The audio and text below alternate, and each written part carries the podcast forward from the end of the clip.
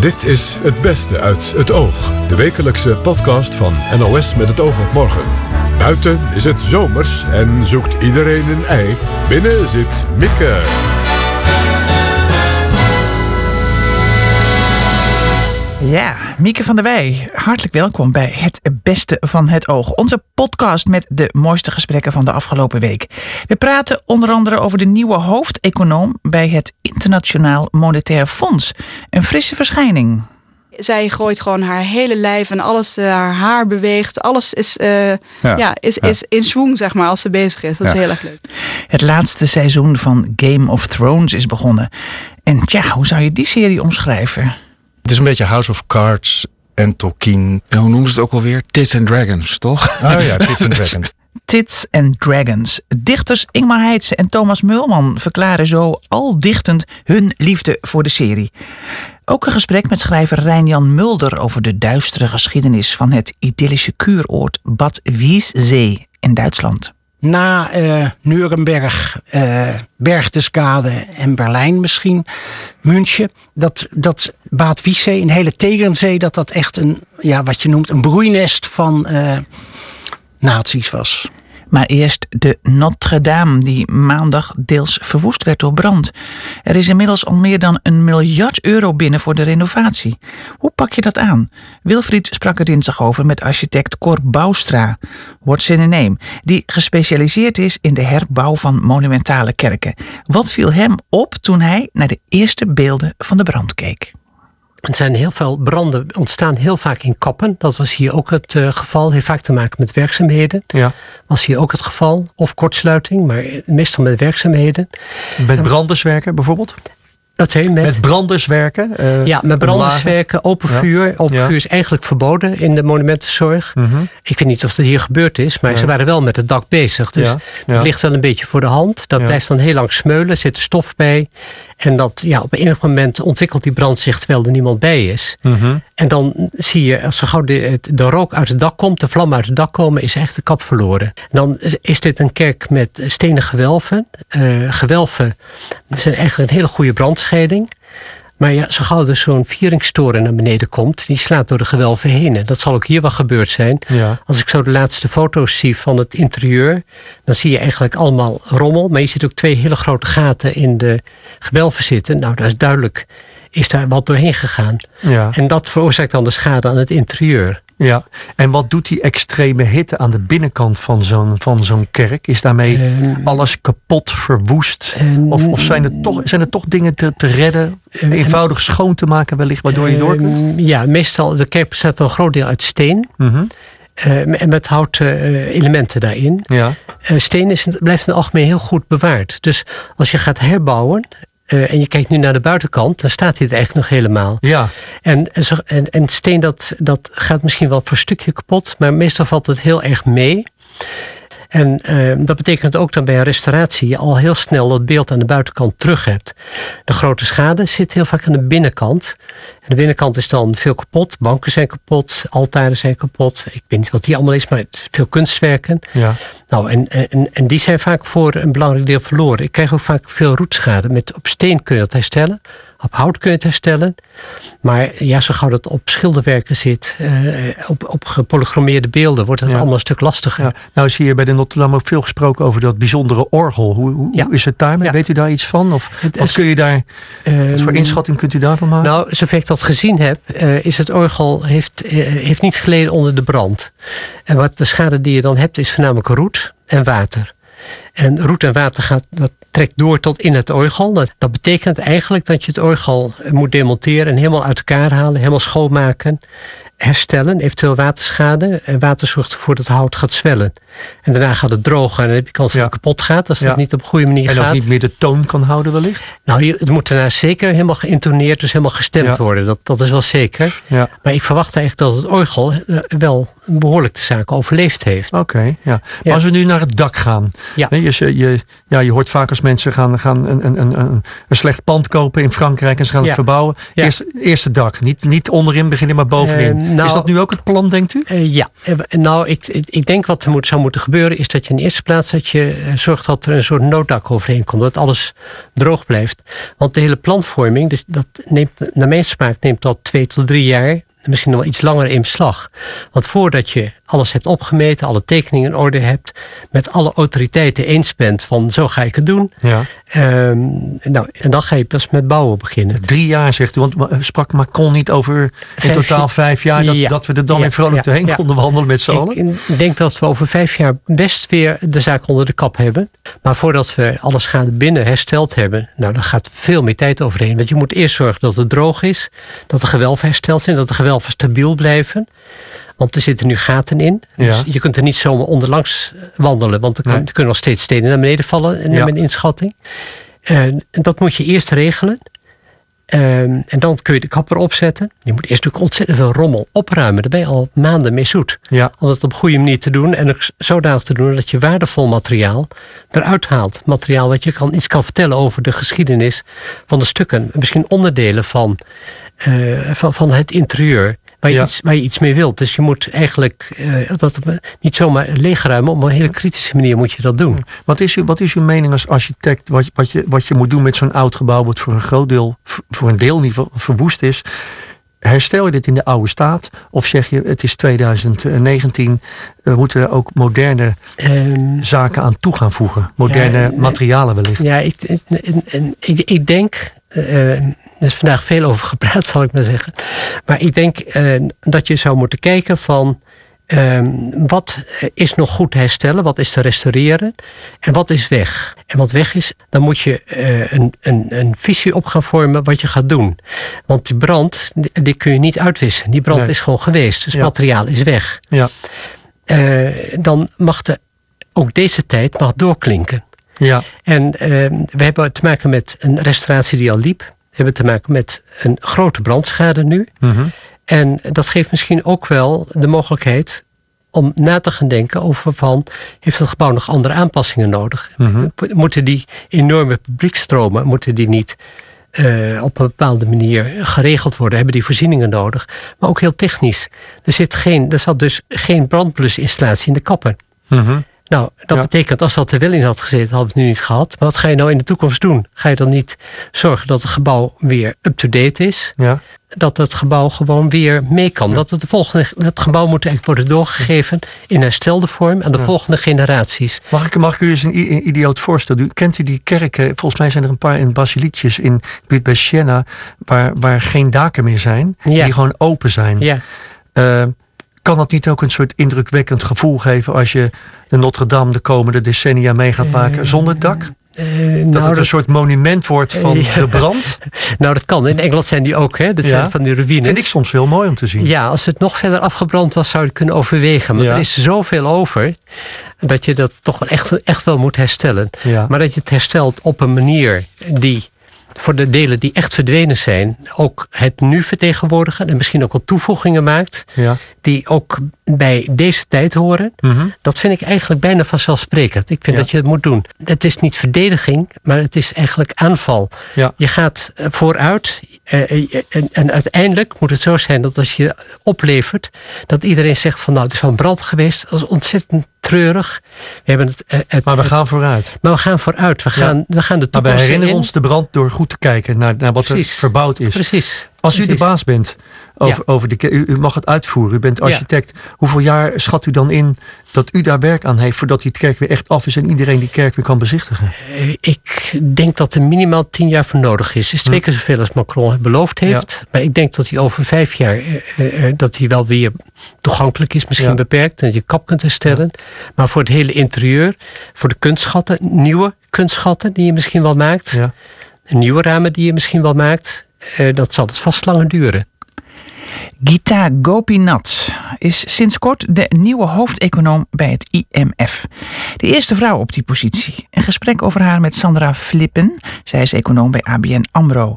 Toen we haar belde, zei ze dat ze Gopinath geweldig vindt. Zij vertelt Chris waarom.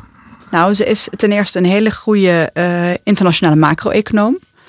Um, ze is ook een, uh, nou ja, ze is iemand die van heel ver gekomen is. Zij komt uh, uit het Indiase platteland. Haar uh, vader was daar een boer. Mm -hmm.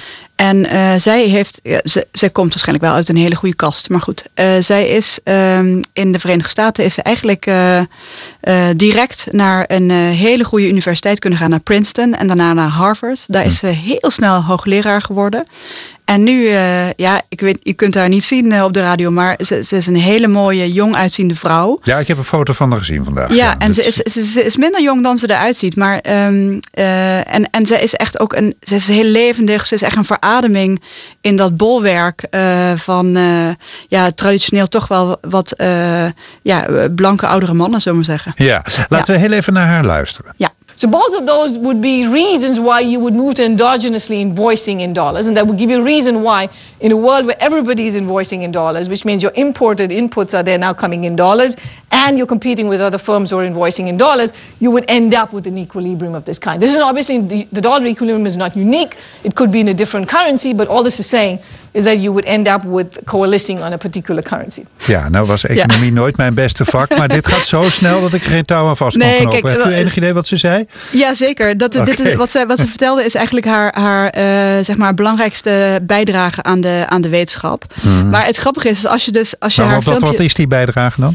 Nou, heel, ik probeer het heel simpel te zeggen, ja, want als, als je haar zo hoort, dan hoor je hoe ingewikkeld het is. Maar het gaat eigenlijk over uh, flexibele wisselkoersen. Ja. En uh, het was heel lang was het idee dat als je zeg maar in staat bent om je munt in waarde te laten dalen, ja. dat dat uh, je export aantrekkelijker maakt. Uh, ja, want worden je producten goedkoper omdat jouw munt minder waard wordt. Precies. Dus, ja. En relatief worden je export dan aantrekkelijker dan je import. Ja. En dat doet dus de vraag naar jouw producten toenemen. Ja. Daardoor worden bedrijven uh, geprikkeld om meer te produceren en komen meer mensen aan het werk. Hmm. Dat is dus een manier om werkgelegenheid te bevorderen. Alleen wat zij dus laat zien in haar onderzoek, en dat is echt wel baanbrekend uh, geweest, is dat die vlieger heel vaak eigenlijk helemaal niet opgaat. En dat komt omdat heel veel van die um, uh, producten die worden geëxporteerd, dat die worden betaald in dollars. Ah, ja. En niet in de lokale munt. Dus de eigen munt, die reageert eigenlijk nauwelijks op uh, die flexibele wisselkoers. Aha. En, um, ja, en, en, en dan gaan eigenlijk al die, als, als die, um, uh, ja, als die eigen munt niet reageert, dan gaan ook echt de voordelen voor een heel dat, groot deel niet op. Dus dat is dus een, een is toch wel heel belangrijk. Ja, een vrij baanbrekend inzicht. Ja. Typeert haar dat, dit soort, dit soort uh, tegendraadse inzichten? Ja. Ja, dat is dus wel leuk, want zij, zij, zij zegt wel zelf, ze zegt niet, echt niet alleen maar uh, controversiële dingen of zo, Mhm. mm. maar zij zegt wel meer dingen die, die niet per se mainstream zijn, zeg maar. Zoals bijvoorbeeld is zij ook iemand die, die overigens net als onze eigen Klaas Knot, uh, is er iemand die niet uh, onkritisch staat tegenover de aanhoudende lage rente, die door de monetaire beleidsmakers uh, laag wordt gehouden. Hmm. Want zij wijst ook dat dat, dat, dat ook leidt tot uh, lagere productiviteit, dat ehm, een soort misallocatie van geld bij bedrijven die niet per se de productiefste of de, de meest innovatieve hoeven te zijn om geld te krijgen. Omdat geld nou eenmaal op dit moment heel erg goedkoop is Ja. en al heel erg lang heel goedkoop. Ja. En dat leidt tot, ja, tot onproductieve allocaties zeg maar, van waar dat geld dan terechtkomt. Ja. En dat, ja, daar, op die gevaren wijst zij die daaruit uh, ontstaan. Ja, dat, dat, dat, dat zo iemand, dat zij hoofdeconoom bij het uh, IMF wordt, Ja. wordt hoe, hoe bijzonder is dat? Nou, dat is onwijs bijzonder, want ze is, ze is de eerste vrouw op die plek. Ja. Ze, is, ze is daar ook benoemd door uh, Christine Lagarde, toch wel echt wel het, het boegbeeld van het feminisme in de economische wereld, zou ik zeggen. Van Ook de eerste vrouw op die plek, hè? namelijk de Zeker, baas van het ja. IMF. Ja. Ja, en dat is eigenlijk al best wel lang. En dat doet ze ook. Ja, eigenlijk is iedereen het erover eens dat ze dat super goed doet. En, ehm, ja, en, en ook wel opvallend, want, want eh, eh, Lagarde heeft. Ik was dus in Washington vorige week. En Lagarde die heeft daar ook nog gezegd van eh, ehm, dat die flexibele wisselkoers een manier is om met de huidige ehm, slowdown, zeg maar, de vertraging van de wereldgroei om Ja. te gaan. Terwijl eh, zij heeft net eh, Gita Gopinath eh, aangenomen en, en, en die is daar dus kritisch op. Hmm. Dus dat is ook zo leuk dat, die, dat, dat Lagarde Lagarde neemt gewoon ook iemand aan die niet per se uh, haar geluid ook meteen vertegenwoordigt. Ze durft tegenspraak te organiseren. Ja. ja. En um, wat ook trouwens heel, nog één ding, wat ook heel erg leuk is, als je haar dus, want we, zagen net, we hoorden net uh, haar uh, spreken, dat is natuurlijk best wel ingewikkeld. maar als je het geluid uitzet, dan zie je oh. iets heel leuks. Want um, dan is echt een moeite waard om eventjes op te zoeken thuis. Want, want dan, dan zie je iemand die beweegt alsof ze een, een, een activist op de barricades is. Hmm. terwijl alle andere sprekers altijd heel stil en heel erg rationeel en, en ja, een beetje saai monotoon zitten te praten. En zij, zij gooit gewoon haar hele lijf en alles, uh, haar haar beweegt. Alles is, uh, ja. is, is in swing, zeg maar, als ze bezig is. Dat is heel erg leuk. Hoe, hoe invloedrijk is zij als hoofdeconoom? Betekent haar aanstelling ook dat het, het IMF een andere koers gaat varen? Um, nou kijk, dus zij is niet de directeur, dat blijft Lagarde. Uh, maar zij runt het onderzoeksbureau van het IMF. En uh, dat is wel heel belangrijk, omdat de onderzoeken die het IMF naar buiten brengt in zijn eigen naam, die zijn wel uh, behoorlijk richtinggevend voor de koers van het IMF. Mm En um, wat, wat, wat ik verwacht dat zij gaat doen, aan, aan, zeg maar, af aan invloed gaat uitoefenen, is um, zij zal veel oog hebben voor opkomende economieën. Uh, ook omdat ze zelf uit bijvoorbeeld uh, uh, de Aziatische regio komt. Ja. En, um, en ik denk dat zij een belangrijk debat nog meer gaat aanzwengelen. En dat is namelijk, is het wel zo verstandig dat het IMF zo'n ongelooflijke pleitbezorger is van alsmaar verdergaande globalisering? Hm in een wereld waarin we nu zien natuurlijk dat protectionisme eigenlijk, uh, dus het leidt tot een, eerder een soort deglobalisering. We zien ook dat sinds begin 2018 is de, ja, de, de, de vertraagde uh, groei van de wereldhandel, waar we in Nederland ook echt dit jaar wel last van gaan krijgen en volgend jaar ook. Dat is um, vooral doordat uh, de export afneemt. En die export neemt af doordat er heel veel onzekerheid, door meerdere factoren, maar ook doordat er heel veel onzekerheid is rondom ja, wat gaat dat protectionisme betekenen voor importtarieven? Heel even kort tot slot. Is het, uh, het glazen plafond in de financiële wereld nu definitief kapot? Uh, ja, ik denk dat dat heel, heel erg de goede kant op gaat, ja. Okay. Maar vooral blijven doorgaan. Hartelijk dank. De hitserie Game of Thrones blijft maar records breken. Met meer dan 17 miljoen kijkers op één dag werd er een heus streamingrecord gebroken. Ook dichters Ellen Dekwits, Ingmar Heitse en Thomas Mulman zijn fans. Enorme fans, want ze schrijven bij iedere aflevering een gedicht. En die gedichten zijn nu gebundeld in een boek, Game of Poems. Heitse en Mulman waren bij Marcia Luiten te gast. Die had de serie nog nooit gezien, dus ze moest daar eerst uitleggen waar die over gaat er is een uh, merkwaardig veel op Engeland lijkend soort continent. Het heet Westeros. En daar strijden uh, een aantal koningen en uh, aanverwanten, laten we zeggen zeven verschillende clans, om de macht. En ze maken elkaar op alle mogelijke manieren het leven zuur en proberen de de ijzeren troon te bemachtigen. Uiteindelijk gaat het helemaal niet om dat spel, want terwijl ze daarmee bezig zijn, dreigt vanuit het noorden een veel verschrikkelijker soort dreiging, namelijk een, een onmetelijk leger van ijszombies. Die, uh, ja, wat er ook verder gaat gebeuren rond die ijzeren troon, uh, de boel zullen gaan te grazen nemen. Maar is het mooi? Want het klinkt best uh, gruwelijk en heftig en uh, naargeestig. Mm. Ja, dat is het allemaal. Maar het is ook heel mooi, inderdaad. Ingmar Heidse, wat is er mooi aan? Ja, ik, ik, ik kijk behalve voor het, voor het visuele uh, spektakel, is namelijk gewoon ontzettend mooi gemaakt. Ook voor de taal eigenlijk. Uh, er zitten gewoon hele goede dialogen ook in. Mm. Tekst is heel erg goed. Uh, en de verhalen zijn weliswaar niet ontziend en heel hard. maar daardoor ook heel erg interessant. Ja, en zo elegant ook. De dialogen zijn, zijn vaak onafvolgbaar scherp. Um, dus het is aan de ene kant weliswaar gewoon een soort van heftig fantasy verhaal. Aan de andere kant is het, uh, het is een beetje House of Cards en Tolkien bij elkaar gemixt. En daar dan een soort, ja, wat zit er nog voor sausje overheen waardoor het nog zoveel briljanter wordt, Ingmar? Ja, hoe noemen ze het ook alweer? Tits and Dragons, toch? Oh ja, Tits and Dragons, dat was het. Nee, het, het, is, het is ook spectaculair. Dus dat, dat is ook wel aardig aan. Dus, dus het, het, het is eigenlijk een soort gerecht dat eigenlijk op alle manieren zeg maar werkt. Het, het is en smaakvol en het is esthetisch. En het is iets nieuws. Het is echt vooruitstrevend. En slim gemaakt. Het is ontzettend slim gemaakt. Ja, want, want waarom wilden jullie dan over die serie schrijven? Dat is op zich als dichter niet iets heel gebruikelijks, toch? Nou, dat, dat is eigenlijk een, een, een idee van collega Ellen Dekwits... die nu met griep thuis zit. Anders had zij hier gezeten gezeten. Ehm, zij, zij was van mening dat eigenlijk zo'n uh, een serie die zo groot is geworden, waar zoveel miljoenen mensen wereldwijd naar kijken, dat, dat je daar net zo goed over uh, gedichten zou kunnen schrijven als over het leven zelf. Zeg maar. Het is bijna net zo groot als het leven zelf. Dan kun je, kun je het ook in gedichten een plek geven. Dus toen zijn we gaan, uh, recaps gaan schrijven van afleveringen. Wat is dat, recaps? Een recap, ja, een soort, laten we zeggen, een, een soort samenvatting, maar dan wel in je eigen woorden. Een samenvatting in gedichten. Ingmar, kun jij een gedicht voorlezen? Ja, ik zal meteen een recap van, van gewoon de eerste aflevering van seizoen 1 doen. Openingsscène. Er hangt een meisje aan de boom. Dat kan niet goed zijn. Niet netjes, aan een touw of aan haar haren, maar met een tak tussen haar ribben en met haar ogen open hangt ze daar. Het is verdomde koud. En het gaat stukken kouder worden nog. Winter vreet zich als een koorts onder de huid naar het zuiden, waaiert uit.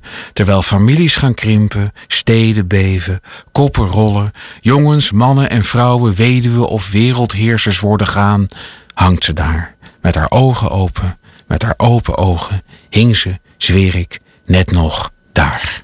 Hé, Jeetje. En, uh, uh, en als je daarover dicht, je ziet dat beeld, dat meisje en die boom. Is dat anders dat je over fantasy een gedicht maakt dan dat het over gewoon uh, de, de reële wereld gaat?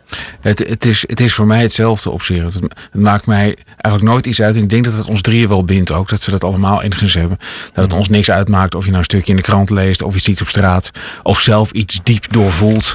Of iets in een boek leest. Alles is, is materiaal. Je kunt alles gebruiken. En de voorwaarde is dat het je raakt. Is dat de voorwaarde? Nou, dat resoneert met iets wat blijkbaar ook al in je leeft. Dus blijkbaar zijn we erg bezig met, met borsten en draken en dood en verderf en scherpe dialogen.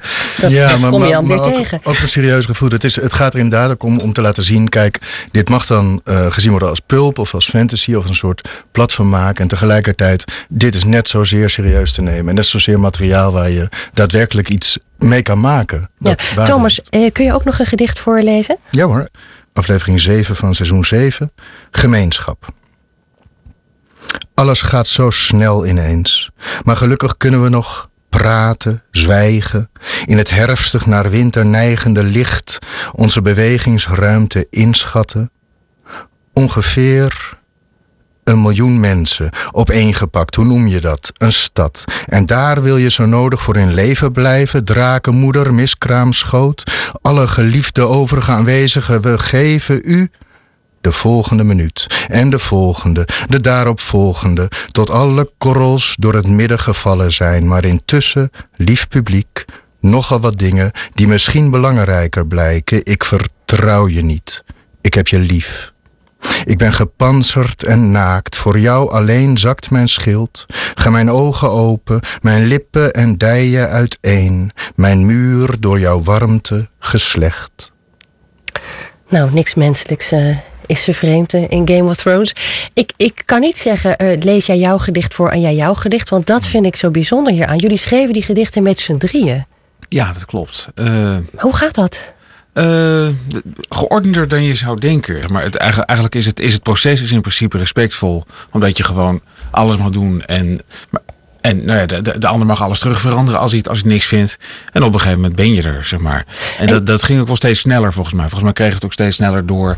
Ja, ja tegelijk ja. waren er ook wel weer meer dat je op een gegeven moment krijg je je hang-ups. En dan weet je van, oh ja, jij wil dit erin hebben. Maar ja, dat wil ik echt niet. Nou, even kijken wie er nu het langst geduld heeft om uh, ja, het nog een keer terug te mailen en het toch weer weg te halen. En werd het geheel meer dan de zonder delen?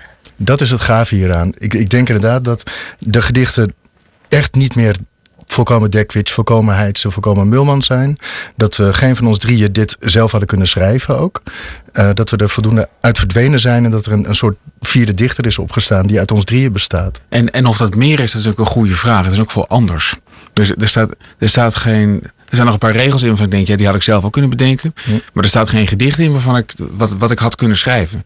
Wat mij betreft is dat meer. Maar dus, ja, dat... dus, is dit een methode die je uh, ook uh, buiten Game of Thrones uh, wil gaan toepassen? Ja, daar zitten we ons hoofd heel erg over te breken nu natuurlijk. Want het laatste seizoen begint nu, hè? dus jullie ja. hebben nog even iets te gaan. Dat Precies, seizoen zal vermoedelijk episch, dramatisch, groots eindigen. Um, voert dat voor jullie de druk op om ook lyrischer, epischer, dramatischer te gaan schrijven? Uh, ik, ik ben persoonlijk van mening dat ze er beter onderdoor kunnen gaan dan er overheen. Dat vind ik meestal. Zeg maar als iemand, als, als nou een dichter optreedt die heel erg geschreeuwd heeft, dan heb ik de neiging om het uh, klein en vriendelijk te houden. Zeg maar. Uh, maar ja, we merken het wel. Ja, we zijn met z'n drieën, dus ja, daar hebben, hebben we allemaal een stemmen. Ja. maar ja, het, het, belangrijkste is natuurlijk, als je één ding weet van Game of Thrones, is dat je, is dat je nooit precies krijgt wat je verwacht. Of niet op het moment dat je het verwacht had. Dus het, het, zal inderdaad episch en bombastisch en weet ik wel wat worden. Maar ja, hoe, dat weten we gewoon nog niet. Nee, dat gaat ook afhangen van hoe de koord van Ellen zich ontwikkelt. Dat ook, ja. Er, is, het is, er, is geen, uh, er is, is geen pijl op te trekken. Het is een nevelige hult.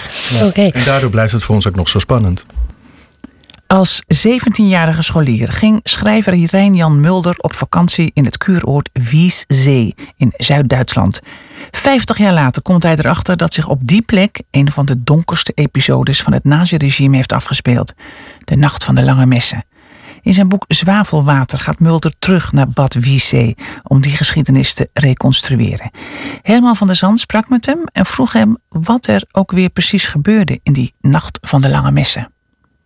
Het was uh, even snel gezegd de afrekening van Hitler en gesteund door de SS met de SA, wat toen een hele grote massaorganisatie was, die waarschijnlijk even slecht was als de SS, maar toch net iets andere belangen had. En dat ging heel uh, hardhandig, dus er is niet een, een arrestatieteam geweest met een rechtszitting of met verhoren. Maar Hitler persoonlijk is afgereisd naar Bad Wissee. Heeft aan de hotelhouder gevraagd waar slaapt Reum. En toen hebben ze, heeft ze die kamernummer gegeven. En toen is Hitler daar met een paar SS'ers heen gegaan. Heeft Reum uit zijn bed gesommeerd. En heeft hem uh, meegenomen naar München. Waar hij een paar uur later de keus kreeg. Of je schiet jezelf door het hoofd of wij doen het. En toen heeft Reum gezegd doen jullie het maar. Ja, en dat was het einde van, van de SA. Want naast Reum werden nog een heleboel andere... Als factor. De SA heeft langer bestaan, maar dus uh, het was echt een bedreiging. Althans, dat vond Hitler. En maar niet alleen Reum werd, uh, werd. Nee, niet alleen Reum. Er zijn ook, ook uh, totaal andere partijen. Er zijn meer dan... Dus eigenlijk aansluitend op die moord op Reum zijn er, ik geloof iets van 150, 180 andere Duitsers meteen opgepakt en, en binnen enkele seconden neergeschoten. Dus dat was ook binnen het Nazirijk een totaal nieuwe ontwikkeling. Ja. Er is dus dat moment in Bad Wiese dat Hitler op de kamerdeur klopt van uh, Ernst Reum en zegt uh, melden en meegaan. U was in 1966 daar, 17 jaar oud. Wat wist u toen van die geschiedenis die zich daar had afgespeeld? Ik wist uh, niet wat de land, Nacht van de Lange Messen was. Ik wist wel, ik ben daar geweest samen met uh, een meisje uit mijn klas die daar een landhuis had. En de hele klas mocht mee, omdat we eindexamen hadden gedaan. En er was één meisje in de klas en die zei: Nee, dat doe ik absoluut niet. Dat mag ik niet van mijn ouders. Want zeker daar, wat daar gebeurd is, daar willen wij niets mee te maken hebben. En dus, daar was dan Duitsland of, of Beieren? Ik dacht Zuid-Duitsland, maar achteraf weet ik dus dat het Baat Wiessee was. Want ik kwam in de literatuur tegen dat na uh, Nuremberg, uh, Berchtesgade en Berlijn misschien, München, dat, dat Baat Wiessee, een hele Tegernsee, dat dat echt een, ja, wat je noemt, een broeinest van uh, nazi's was. Uh, Armando wordt aangehaald in uw boek een schuldig landschap. Ja, Armando heeft dat begrip hier in Nederland gemunt. En dat, dat vond ik wel interessant. Want die zegt dus, ja, het gaat niet alleen om of er nu nog uh, mensen schuldig zijn. Maar het gaat eigenlijk ook om de, de hele omgeving, het, het materiële, dat dat de schuld in zich draagt. Want de belangrijkste daders, die zijn na de oorlog allemaal veroordeeld en gedood vaak ook. Maar het landschap draagt natuurlijk nog altijd de sporen ervan. En wat, uh, nou, ik heb een aantal punten gehad waardoor ik dacht, ja, eigenlijk achteraf gezien had ik daar met vakantie heen moeten gaan. En dat is dus inderdaad dat je zegt, ja, voor de deur, wij zaten in dat landhuis en ongeveer voor de deur van dat landhuis is dus dat bloedbad begonnen. Waarvan je denkt van jeetje, je moet in ieder geval weten dat dat zo is. Wij wisten van niks. Wij zwommen daar en we hadden gezellig. Uh, we zaten op het terras pindanootjes te eten en wij wisten van niks. Dus dan denk je toch van ja, dat, dat is wel vreemd. En de familie bij wie we te gast waren, die hebben er geen woord aan gewijd. En die, die waren alleen maar bezig met... Uh, ja, met ontspannen. U was er in 1966 voor het eerst. Daarna 50 jaar later, ongeveer 50 jaar later, komt u er weer. En, en een aantal keer ook, omdat, omdat u het boek gaat schrijven. Is die geschiedenis uh, in, in, in Bad Wiese, wordt die uitgedragen? Die geschiedenis van voor de oorlog? Toen ik er in 66 was, toen toen wist niemand het. En nu wordt er geleidelijk aan beginnen ze door te krijgen dat dat toch een interessante factor is. Maar als je in de plaatselijke boekwinkels kijkt wat daar voor boeken is en wat er voor kranten is, dan wordt eigenlijk die hele natiegeschiedenis die wordt over het hoofd gezien. En pas voor nee, 2017 is er voor het eerst een tentoonstelling geweest over het thema dat dus deze idylle, dat daar een enorme kwalijke reuk aan zat, laat ik het zo maar zeggen. Het begint allemaal met, met die ene week eh, na de middelbare school. Eh, een, een, heerlijke week vakantie. En daarna gaat u graven, graven, graven. U komt op dit verhaal. Toen in 1966 durfde u het zwavelwater niet in. Is dat inmiddels veranderd? Ja, ik ben. Uh, nou, ik wist toen dus, er is een kuurbad hier. En, en dat hoorde ik eigenlijk voor het eerst, het woord kuurbad. En daar mogen wij gratis in. En pas later hoorde ik dat zij dus eigenaar van dat kuurbad waren.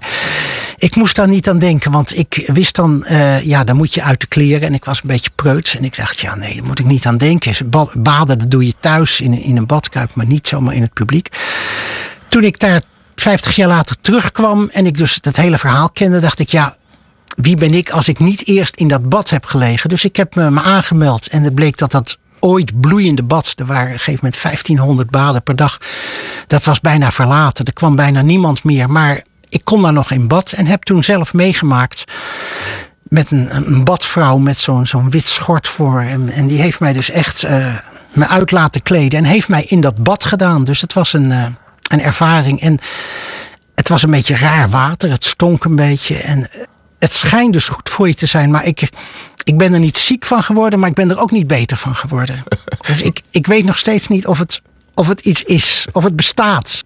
Ja, zo idyllisch was het dus allemaal niet daar in Bad Wieszee. Mooi verhaal van Rijnjan Mulder. Ja, dit was het weer voor deze week. Maar voordat ik zeg dankjewel voor het luisteren... heeft Herman van der Zand nog een korte mededeling. Op 10 mei is de 15.000ste uitzending van Met het oog op morgen. Heeft u een vraag voor de presentatoren? Of wil u graag bij die uitzending aanwezig zijn? Allebei mag ook. Laat dat dan weten via speciaal.oog nos.nl.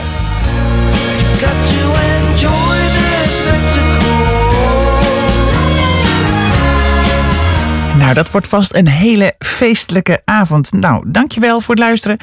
Tot volgende week. Dag.